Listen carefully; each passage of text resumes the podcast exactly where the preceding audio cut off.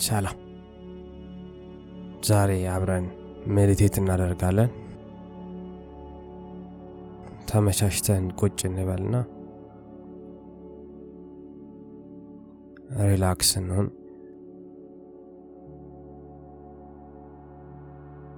ከፈለግን ቁጭ ብለን አለበለዚያ በጀርባችን ጋደም ብለን አይናችንን እንጨፍን።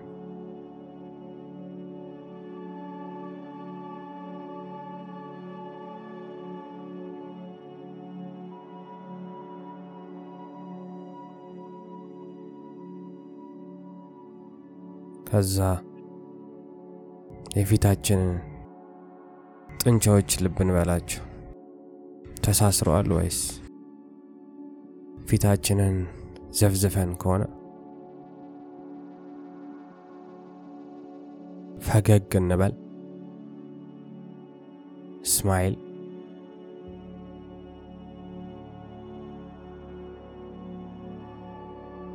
የሆነ ሀሳብ ነው ፊታችን ያኮማተረው።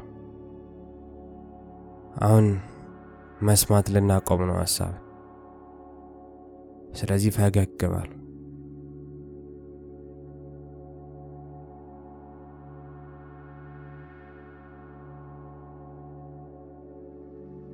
ራሳችን ታዘቡ።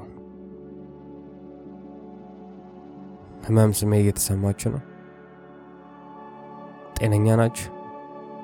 ለሱ ግሬትፉሉን አመስጋኙ።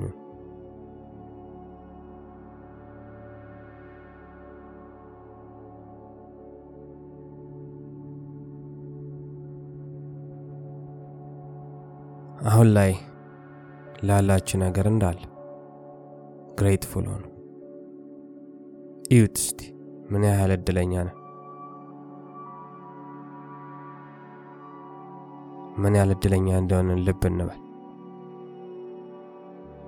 ታሪክ ሲነግረን የነበረው ሀሳባችንን አሁን ትተን ምን ያህል እድለኛ እንደሆንን አሁን ላይ በዚህ ሰዓት በህይወት መኖራችን ሜዲቴት ማድረግ መቻላችን ለእሱ ግሬትፉል ነው። አመስጋኝን አትናቁት። ለቤተሰባችሁ፣ ለጓደኛችሁ፣ ለምትወዱት ከቻላችሁም ለምትጠሉት ጥሩ ጥሩ ነገር አስቡላችሁ። ይመቻቸው፣ ይድላቸው፣ ሰላም ያገኙ።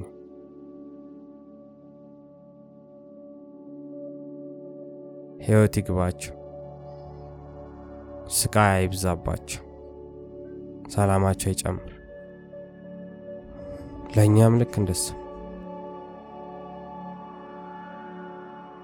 ጥሩ ጥሩ ነገር ስለ ራሳችን እናስብ። ሰላም ይብዛልን፣ ጥበብ ይብዛልን፣ ማስተዋላችን ይጨምር ዘንድ ለራሳችን ጥሩ ጥሩ ነገር እንመኝ።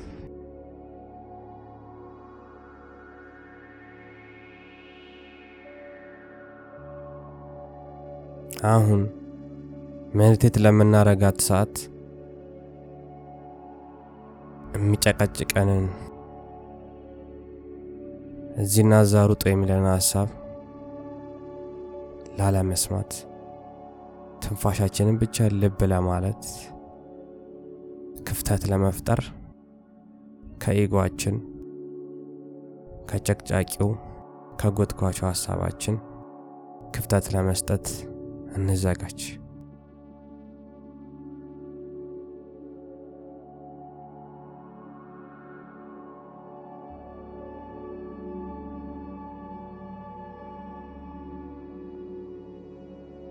ፈገግ ማለታችሁን እንዳትረሱ።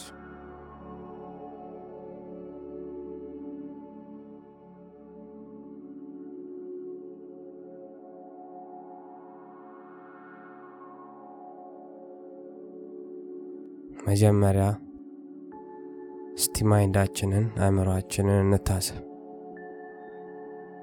ምን እያሰብን ነው? ምንድን ነው አሁን ላይ በጣም important ነው እያለን ያለው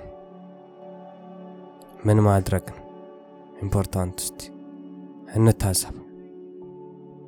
ከዛ investigate እናድርግ። እውነት አሁን እያሰብን ያለው ነገር ሀያ ደቂቃ መቆየት አይችልም ወይ? እውነት አንገብጋቢ ነገር አለ ወይ? ችግር አለ ውጭ? ሰላም አይደለም? ምን አለ የሚያስነሳን ነገር ከዚህ ከሜዲቴሽናችን ለራሳችን ጊዜ ከመስጠት የሚያስነሳን ሀሳብ ምን አለ? እስቲ እንስማ። ምን ያህልስ እውነት ነው? እኒህ እስቲ ሌላ ጊዜ እንደዚህ ጊዜ ሰጠን፣ ሁሌ እንዳፈናጠረን ነው። ስለዚህ ዛሬ እንየው ማንነት የምታስቡትን ነገር ሁሉ በሉ። ምን ያህል important ነው? ምን ያህል አስፈላጊ ነው? ምን ያህልስ ጠቃሚ ነው? ልብ እንበለው እስቲ። አስፈላጊ ነው ካላችሁ ያላችሁን ነገር አድርጉ፣ ተነሱ። መቆየት የሚችል ከሆነ ግን ልቀቁት። አትስሙት፣ አትመኑት። እየተመላለሰ ስለሚያስቸግረን አሁን ማንነቱን እንወቅ።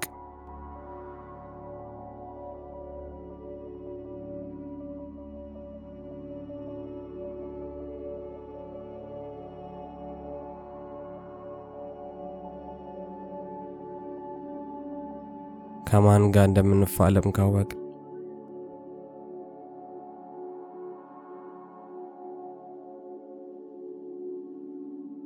አቴንሽናችንን ትኩረታችንን ትንፋሻችን ላይ እናድርግ።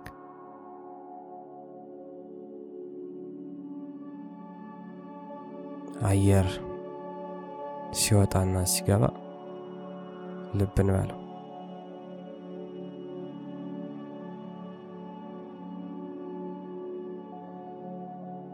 ምንም ነገር አንስማ፣ በሀሳባችን ይመጣ ነገር።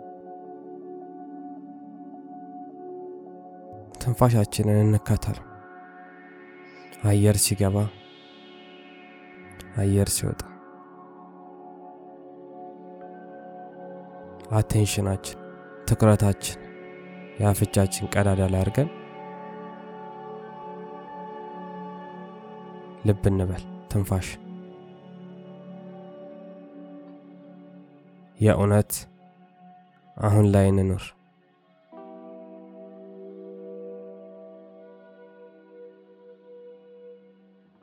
ትንፋሻችሁን ለመቆጣጠር አትሞክሩ።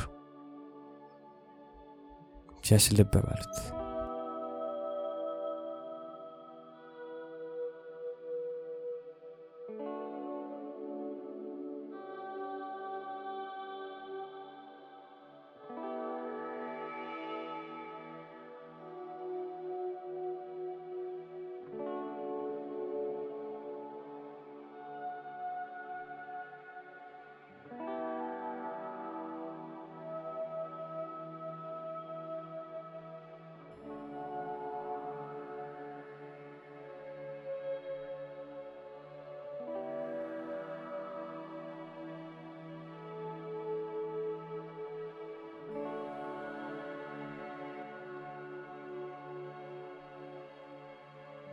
ምንም ነገር ቢመጣ አትዘናጉ፣ አትሸወዱ። ተሸወዳችሁ ሀሳባችሁ ይዟችሁ ከሄደም መልሱት ወደ ትንፋሻችሁ። ከዛ ልብ ማለት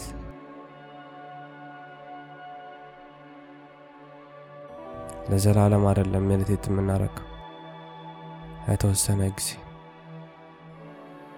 ውጤቱም በኋላ የምናየው ነገር ስለሆነ ትንፋሽ ልብ ከማለት ውጭ ለሌላ ነገር ቦታ አትስጡ። የአይምሮ ክፍተት የአይምሮ እፎይታ ማግኛ እሱም ብቻ ካወቅን ይበቃል። reason አትፈልጉለት። ለምንድነው ትንፋሽ ልብ የምለው አትበል። ዝም ብላችሁ ትንፋሽ ልብ ጥያቄው የሀሳብ አትስሙት። ለተወሰነ ደቂቃ የትም አላደረሰንም እስከዛ። just ትንፋሽ ልብ በል። ክፍተት ስጡ። ለአእምሯችሁ እፎይታ ስጡ።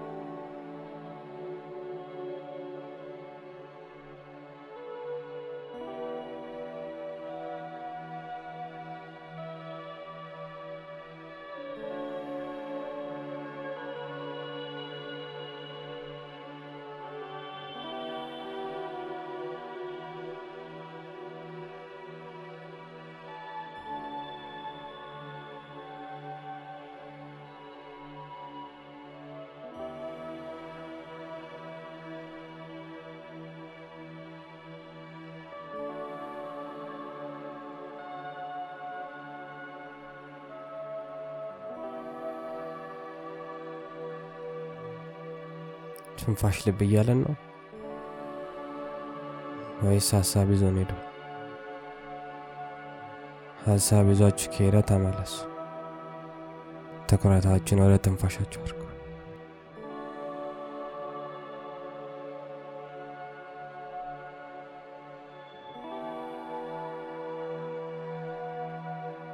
የጨቀጨቀን ከሆነ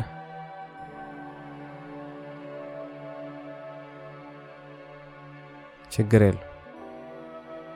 ልክ ስትይዙት ተመለሱ ወደ ትንፋሻችሁ።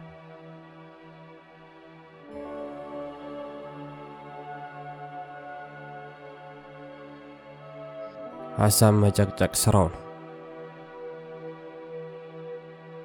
አትፍረዱበት።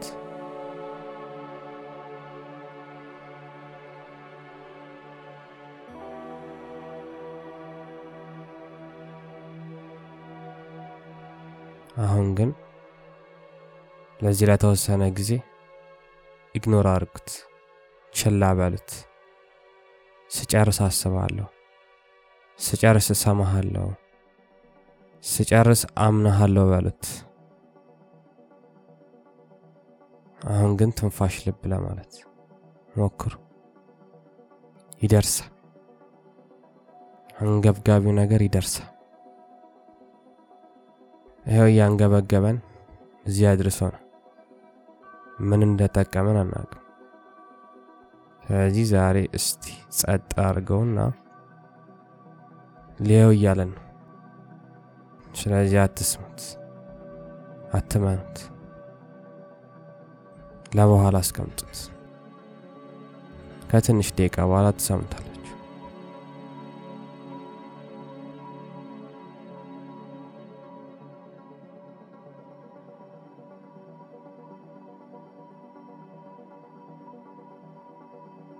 አሁን ግን ትንፋሽ ልብ እያለ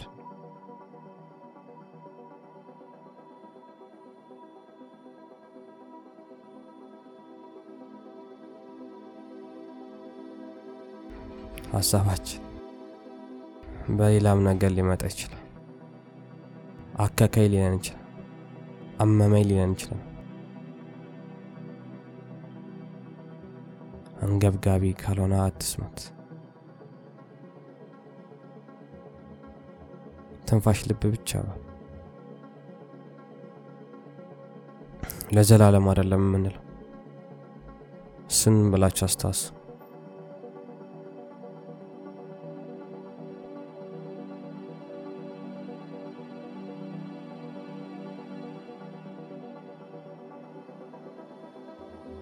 በጣም ካስቸገራችሁ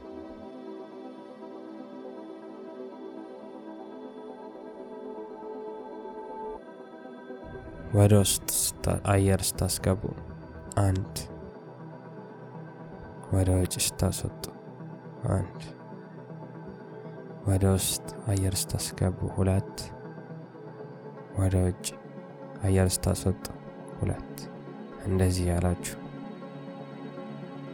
እስከ አስር ከዛ ስጨርሱ ድጋሚ አሁንም ከአንድ ጀምሯችሁ እስከ አስር ትንፋሻችሁን ልብ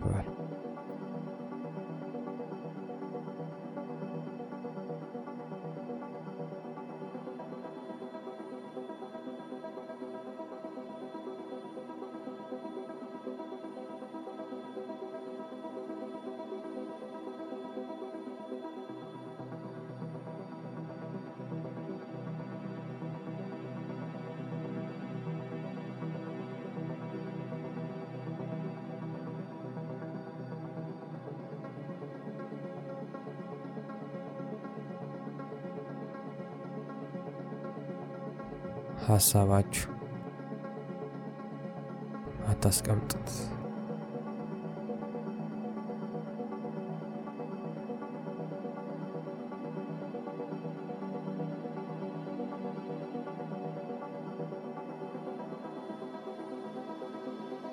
ሀሳባችሁ እያንዣበበ ተስፋ ቆርጦ እንዲሄድ አድርጉት።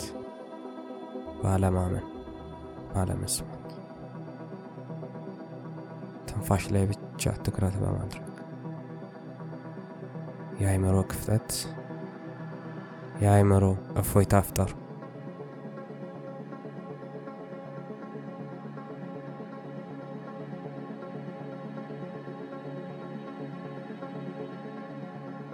አሁን ሀሳብን ሰምተን የትም አንደርስ፣ ምንም አይለወጥ። ግን ትንፋሽ ልብ ብለን መድቴት አድርገን ብዙ ነገር ይለወጣል። ጭቅጨቃው ይቀንሳል፣ ጉትጎታ ይቀንሳል፣ ማንነትን እናውቀዋለን። መጨረሻ የሌለው fabrication እንደሆነ እናውቃለን ነው። እስከምን ሞት እንደሚጨቃጭቀን አውቀን ካሁኑ ሀሳብን መግራት እንችላለን በ meditation። አሁን ግን ሀሳብ ሰምተን ተነስተን ምንም ነገር ብናረግ የትም አንደርስም፣ የትም አንደርስም።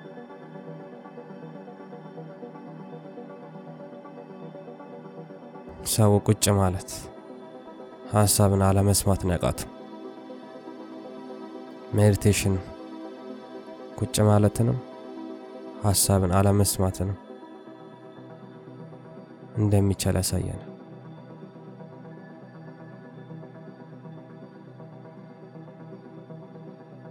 ሜዲቴሽን መረጋጋትን ያስተምረናል፣ ትዕግስትን ያስተምረናል፣ ቅንነትን ያስተምረናል።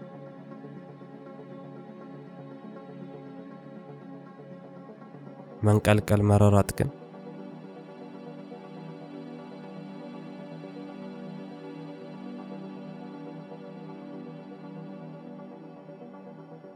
ንዴትን፣ ስቃይን፣ ግራ መጋባትን ነው የሚጨምርብን። base አይኖረንም፣ anchor አይኖረንም። ሁሌ እንደተወዛወዝን ስር የለንም። meditation ስር ይሰጠናል፣ root ይኖረናል፣ ምንመለስበት ምንቆምበት ነገር ይኖረናል። ሁሌ እዚህና እዛ አንሯሯጥም፣ አንወዛከም። ለምን? ቁጭ ብለን አየ ነው፣ ታዘብ ነው። ሀሳብ ነው የሚያሯርጠን፣ ሀሳብ ነው የሚያቁረጠንጠን። ሰማነው ሀሳብን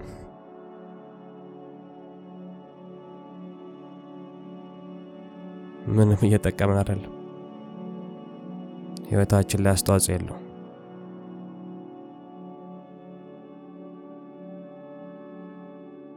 የህይወታችን ዲስትራክሽን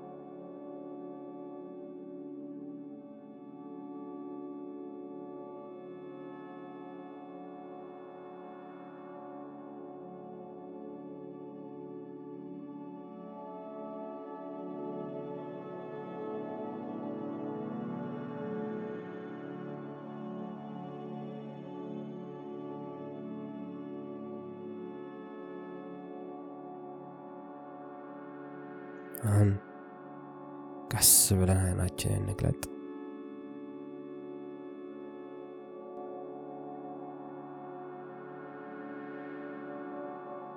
በጣም አመሰግናለሁ አብራችሁኝ meditate ስላደረጋችሁ። love and respect peace